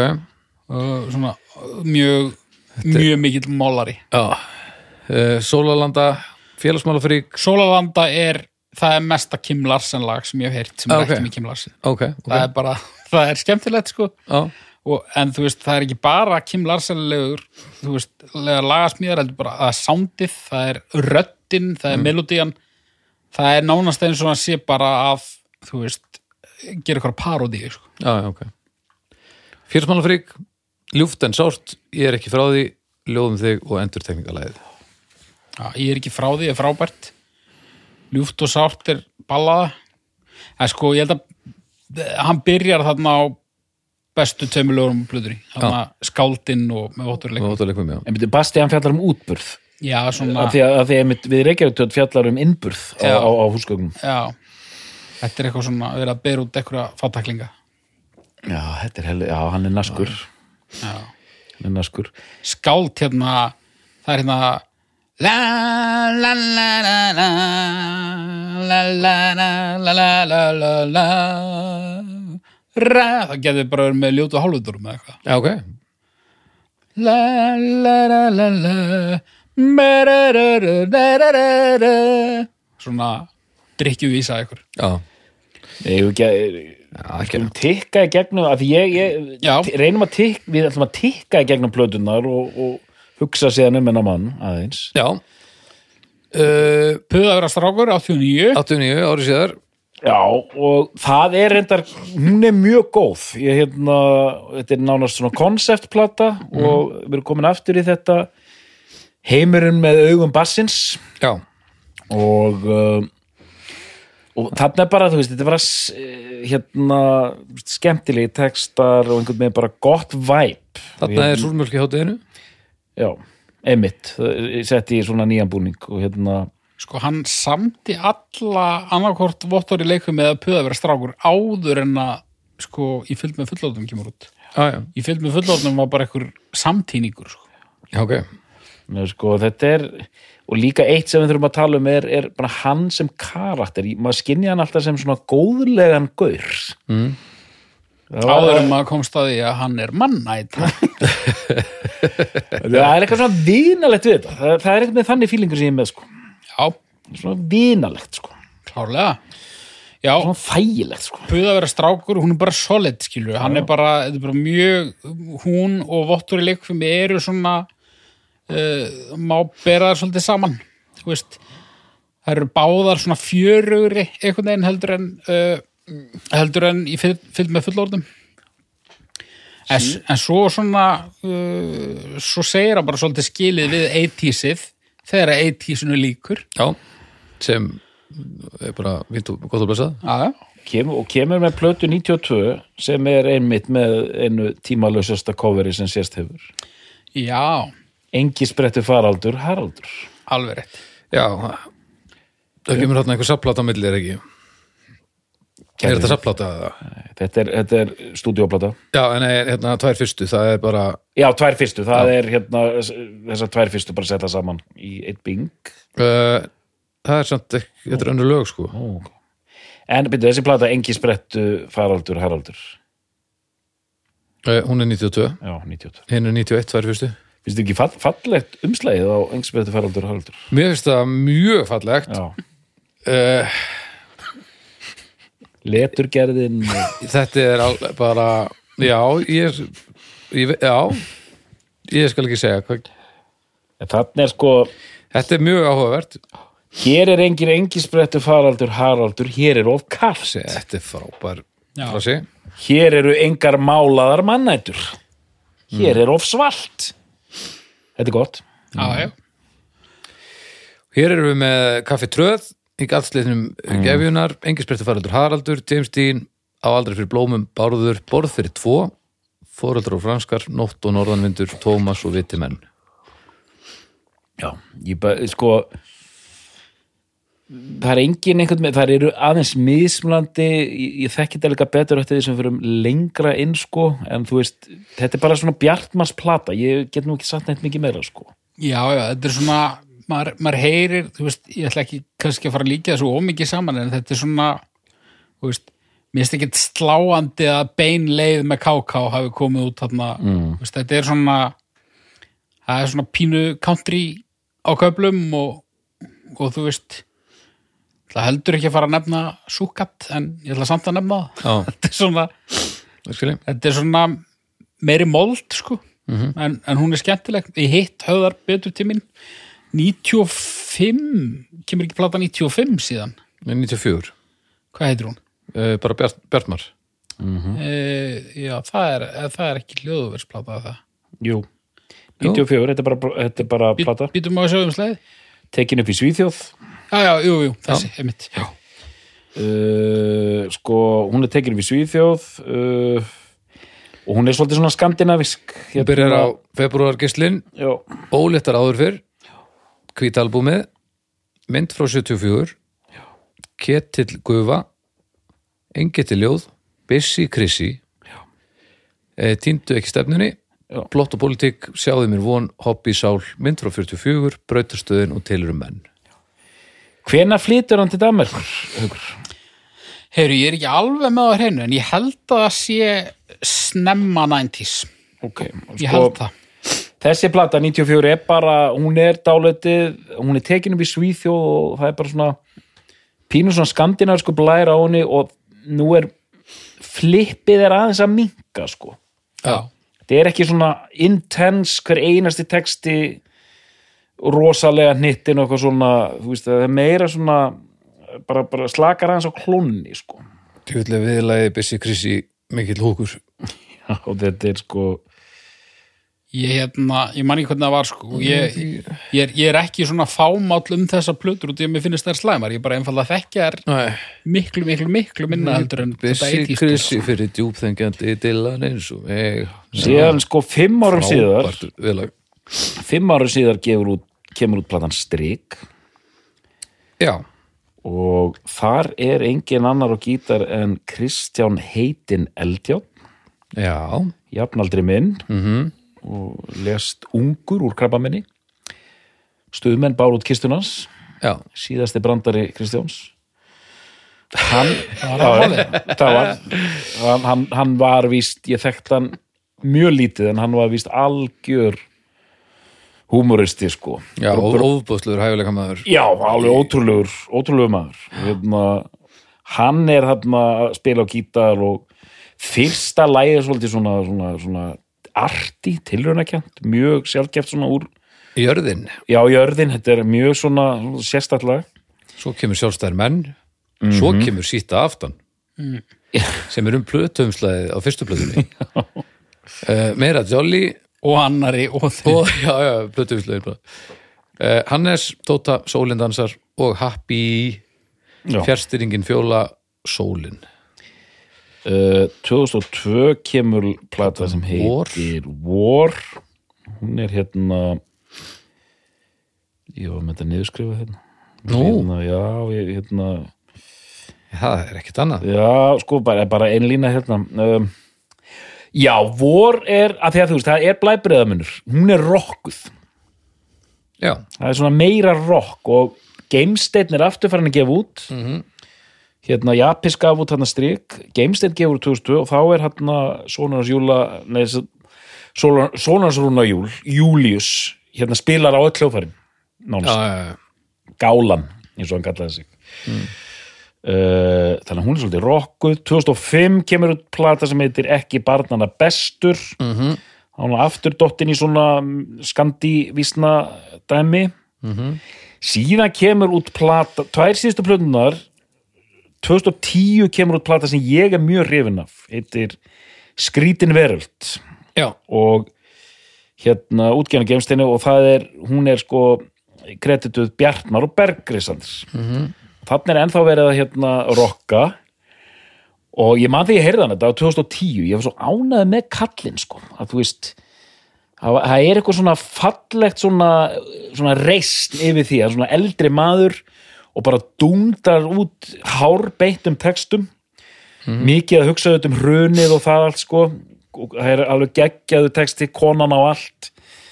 Byrjar svona rólega svona ég á þessan, ég á þennan skötu sel, ég á þennan fisk, ég á þetta og ég á hitt. Síðan kemur lausnin í, í, í, í viðlæginu en ég á ekki bót fyrir boruna á mér konan á allt konan á allt ef sérlegur skildi droppa við hjá mér. Konan á allt konan á allt. Og bara svona hard rock sko. Ok.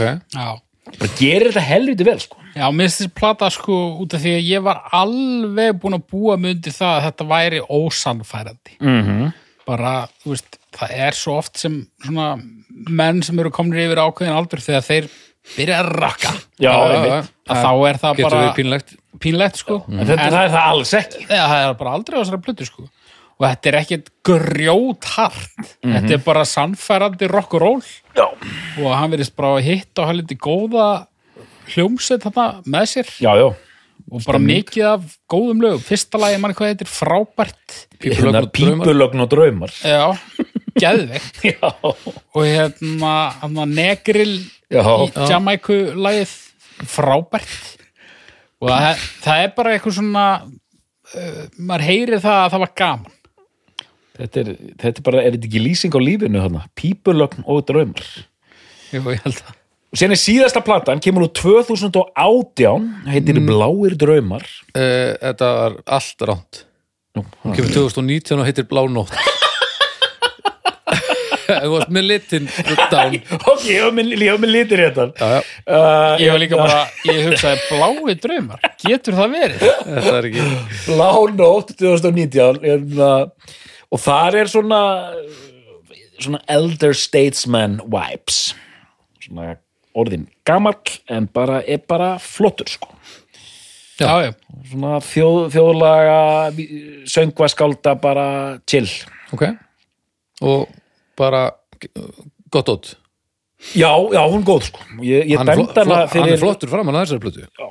Hann er, já, það er ekki sísta aftan hann Nú er allt jafnt, það er búið að jafna þetta. Hann er hann er, hann, hann, hann er, hann er, eiginlega- mér finnst hann eiginlega meira cool í dag heldur hann var í fylg með fullum Já, Já, svona, ég- þannig að, en hann er, hann er sennilega ekki meira cool í dag en hann var cool þá. Það er bara möllettið það eldist öðruvísin margt annað. Hann líka bara dottin í eitthvað plant í já, dag sko. herri, já, já já, já, En svo sá ég hérna, ég var að opna bergrisina hérna á Spotify að Já. þeir, e, það hefur verið hendi singul bara, bara í fyrra eða eitthvað? Já, bæði í fyrra og hitt fyrra. Sínst mér.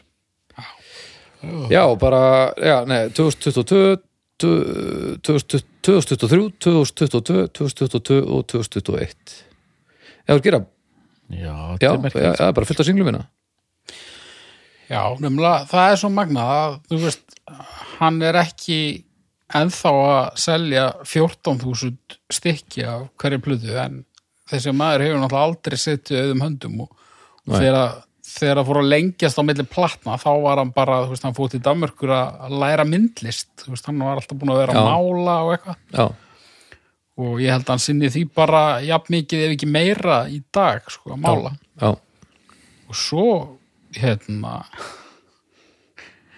verða að koma fram hérna uh, svo, hann leikur náttúrulega í einni af uppáhalds kvikmyndum Baldurs. Já. Já, jú, jú, vissulega, vissulega. Já. það er, er staðarind það er hérna nú finnst mér að Baldur er bara svona aðeins að segja, það er bara segja okkur frá þessar mynd. Það er mynd sem var er búin til fyrir austan fyrir mörgum árum sem ég á í þrýriti á DFT já, af því að ég vil ekki eiga þá hættu að hún glattist mm ég hel, heldur enda að já, eh, já, þannig að hún er í örugum höndum. Það voru haldin sko vídeokvöld þegar við Baldur bjögum saman. Hann var alltaf að bjóða fólki í að horfa á, á kvikmyndina Glæpur og samviska glæpur og samviska. Sem er uh, ekki stuttmynd já, helviti löng. Hún er helviti löng. Hún er það, ég man ekki hún er löng en hún er drjúg, hún er drjúg. Hún er alveg þrýr tveir og hálfur þrýr já, tveir hálf þrýr eða eitthvað. Og þetta er bara það er, hún bara saminar útrúlega margt sem að gleðu mig Já. í lífinu. Ok, ok. Og ég hvet bara alla til þess að, að hérna að eh, reyna að nálgast þessa mynd. Og leikur Bjartmar hlutverk þar. Já, hann leikur eitthvað, það er bæði allt og langt síðan ég horfði á hann síðast, það er vídeokvöld ykkur. Já, ég held það. Ég, ég hef ekki síðan í, í heilsinni sko. ég vil sjá þessa mynd. Já, við, já, já, það er vídeokvöldi på skaga. Já, já, heldur betur.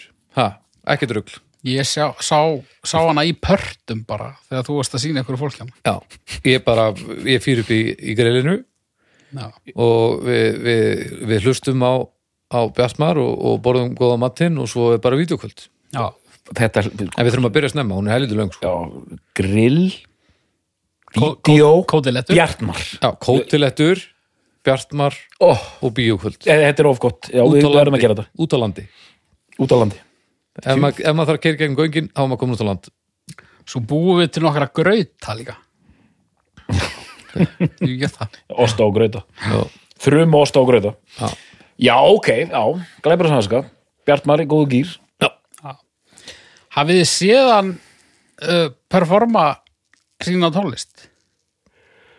Já ekki á eiginlegum tónleikum heldur hann kom í uh, röð viðtala sem að Bibi bróðir var með niður í hljóðfarhúsi hot, heimsókn í hot hljóðfarhúsin sem að ég var að sjá uh, að stríma þessu live. Mm. þannig að það er heldur betur hægt að fara og, tekka inn á Facebook síðu hljóðfarhúsins þar er hægt að, hann kom í spjall hann kom í spjall og svo spilaði hann. Já, uh, tók þrjú lög í kjölfarið eða eitthvað. Geggjað. tvö þrjú lög. Það var geggjað.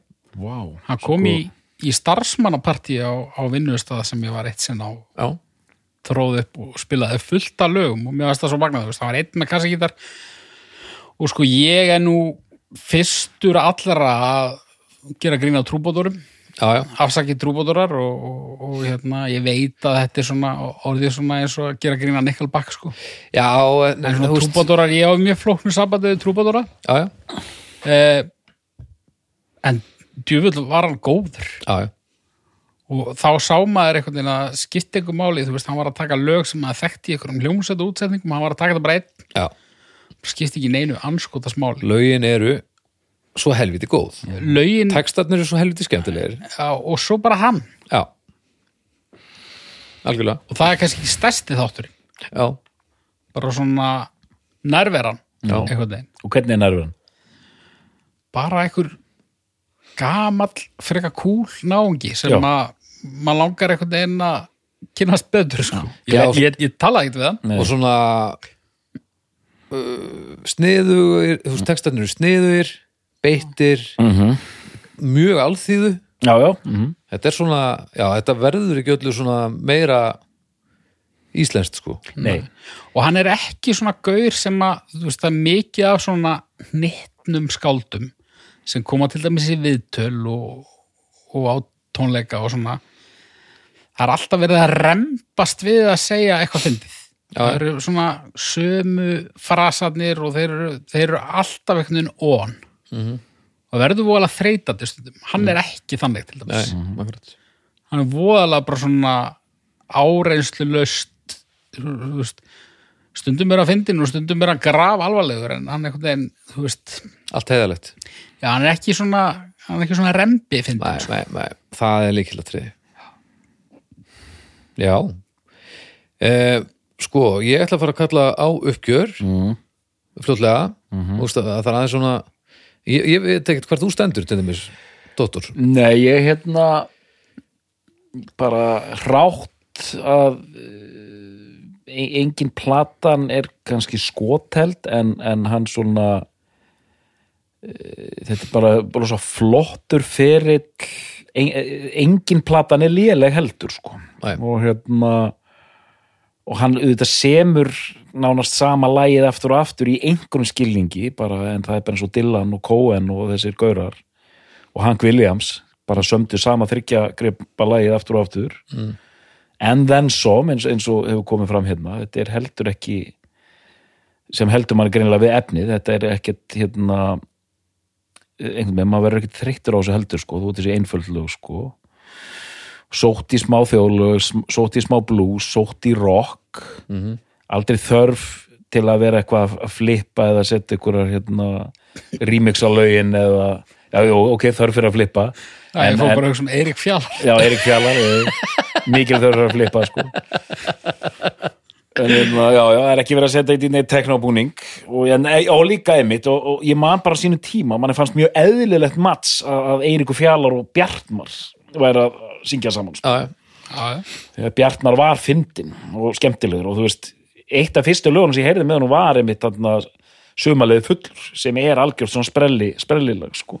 En ég, ég er með svona þrjár plötur í huga en, en já, ég ætla ekki að gefa alveg upp strax hvað ég enda sko. Já, og ég gera það? Nei, nei, Nei. bara eh, ekkert frekar en ég, stend, en ég bara, mér fannst einhvern veginn alveg sjálfsagt að taka þetta og mér finnst þetta ótrúlega spennandi verkefni sko. Er dóttur, þú bara uppgjör frá þér, takk. Ok, uppgjör. Já. Já, sem sagt, ok, ótrúlega gaman að hérna, geta talað um Bjartmar Guðlaugsson í bestu plötunni, af því að hann sannlega stendur undir þessu og er er svona með suma þess að íslensku listamenn maður tekur þessu einhvern veginn sem sjálfsögum hlut. Þetta er bara svo lýsi, sko. Þetta er bara svona partur af umhverjunum hans og er bara í kringum hann alltaf og ég þekkti þetta þessi, þessi fyrri hluta félagsins glettilega vel og þekkti hitt svona alveg aðeins og síðan aðeins meiri setni tíð út af störfum mínum sem gaggrinandi um, og ég svona það eru þrjár plötur bara við erum, búin að ramma gaurinn inn sko. Skrítin veröld, ég var rosalega hrifin af henni, fekk hana inn á bortið minn 2010, líklega orðin nýjórin edru, þannig að ég var í geðvöku stuði og var bara fannst hún ótrúlega fersk og skemmtileg og svona elder statesman bara trillingsstuð með geðveikun textuðum hún er frábær. Uh, ég var mjög hrifin af að það er puð að vera strákur. Það er eitthvað svona við hana sem ég fíla mjög vel. Mhm. en ég eh, sko þetta er ekki þreytt val og ég er búin að nefna það að, hérna, að besta platan hans og svona snempík sé fyllt með fullónum það er bara einhvern veginn vinsalistu lögin, hann er bara á flugi og þú veist, það, er algjört sprell í bland við einmitt svona þingri og, og svona ótrúlega naskar hverstas pólitískar hérna pælingar. Þannig að Já, og svo ég, ég er enda þar sko. Það er líka afreika að gefa út plötu með lögum og sem verður svona stór. Lögin verða svona já, útbreytt ég þekki engan sem að er eitthvað brjálaður yfir þessum lögum. Nei, Nei, ég man ekki til þess. Nei. Það eru öruglega ykkur hópur fólk sem að þarf aldrei að heyra tíndukynslaðan aftur, skilur Já, já, já, en, En- svona heilt yfir þú veist, það er ekki, það er einhver, ekki ég man ekki eftir að hafa heyrt einhver svona svona þreytu sko, Nei, nei. Sem að er ótrúlegt með hvað þetta var ævintilega stúrt Já. Þetta er, þetta er Bjartmar hann er sko þetta er, Bubbi Valger Guðjóns með sinn soloferil í 80 sem ég finnst það oft svona pínu hliðstætt samt ekki sko. Mhm. en já, ég er svo sem ekki meira, meira myndi að segja sko. Bara, já, mjög skemmtilegt. Haukur? Já, sko þú nefnir Valgeir, Bubba og þú veist, ég heyri stundum Bubba og ég heyri stundum Kim Larsen og ég heyri stundum, þú veist, KK, varstu að segja? já, já, alls konar, en sko 80% tilfella þá heyrir maður bara Bjartmar. Þú veist, þetta er ekki, hann er alveg með sitt dæmi. Já, já, algjörlega Hann er ekki eitthvað Bubbi fátakamannsins. Nei, ég líka þegar ég heyri ykkur verið að segja þetta þá hugsa ég meira um feeling mann manns feeling gagvart honum sem mann, mannesku frekar en sko tónlistin bent Já. þú veist hvað hann er, þetta er svona svona tongue in cheek alþýðu pop, rock eitthvað. Já, og svo náttúrulega sko. bara uh, langar mig líka að minnast á það að hann virðist bara vera mjög svona meðvitaður um alls konar þjóðfélagsmál skilur hann er mjög snemma bara þarna 86-7 er hann sko tala í blaðviðtölum um þú veist mikilvægi kvenna atkvarfs og Já. þú veist eitthvað svoleiðis. Já, já, og jú, jú, þá voru einhverja vitundavakningar og eitthvað, en þú veist þetta hann er ekkert að segja þetta í, sem hluta af einhverju herrferði eða neitt þannig, þú veist. Það, Hann- það hefur verið betra að gera sleppa þig, sennilega á þessum tíma. Já, já, þú veist, hann hérna hann hefur allar tíð eh, látið sig ímislegt varða sem hann hefði ekkert endilega þurft að og hann brýtur upp, það var hann bækur 15 ára á föstu, 16 ára í sambúð. Mhm. þá semur hann sko 15 ára á föstu, 16 ára í sambúð og síðan hvað Sau- 18, 18 ára 17 ára fríkað hún út 18 ára lamin 19 ára skilin tvítug var hún komin í kút eða eitthvað já, eitthvað svona sko, bara kemur bara með harmsöguna sko, já, já. sem er ekki talað um Já, það var til dæmis frístandandi dæmi. Það var bara, það kemur hann á milli plötu 1 og 2 mm og það er mitt, það er vídeo við það lag. Uh, þetta er fullt af efni sko. já. Og þú veist, hann er mjög augljóslega til vinstri. Sem er nú ekki sjokkerandi þegar maður er í þessari tegund tónlistar. nei, nei, En þú veist, og hann talar alveg um það, þú veist, hann er ekki hann er ekki flokka pólitískur en skilgreinir sig sem svona Sósialisti Já, já. Og þú veist, honum tekst það einhvern veginn samt, þú veist, ég held að ég held að sjálfstæðisflokkurinn sé ekki að búa til vútúdúkkur af, af Bjartmari, sko. Hann er svolítið svona, ég held að hann hafi svolítið breiða, breiða skýrskotun og, og, og, þú veist, algjörlega hann er, uh, þetta er ekki, þetta er ekki áróðursmúsík. Hann gerir þetta bara mjög smekklega, sko uh, eins og ég segi ég, ég var spenntur að hlusta á þetta og aðtuga hvort að eitthvað myndi skáka hann Mhm. fyrstu ástinni Mhm. en, en svo bara þú veist margt þarna mjög skemmtilegt bæði sem ég hafði heyrt og sem ég hafði ekki heyrt. Mhm.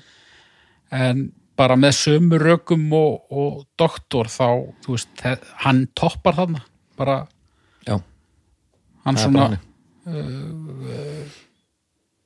hann svona nær fullum tökum á þessu þarna og 14.000 manns keftu blöðuna og við erum ennþá að heyra þessi lög og náttúrulega sérstaklega risa hittar hann já, og það bara er ekkert fokkar ekkert í því sko. Hárétt þannig að Haukur er þetta besta plata Bjarnars já, Doktor, er þetta besta plata Bjartmars? Já, Við þakkum fyrir í dag og við heyrumst að ykkur liðinni.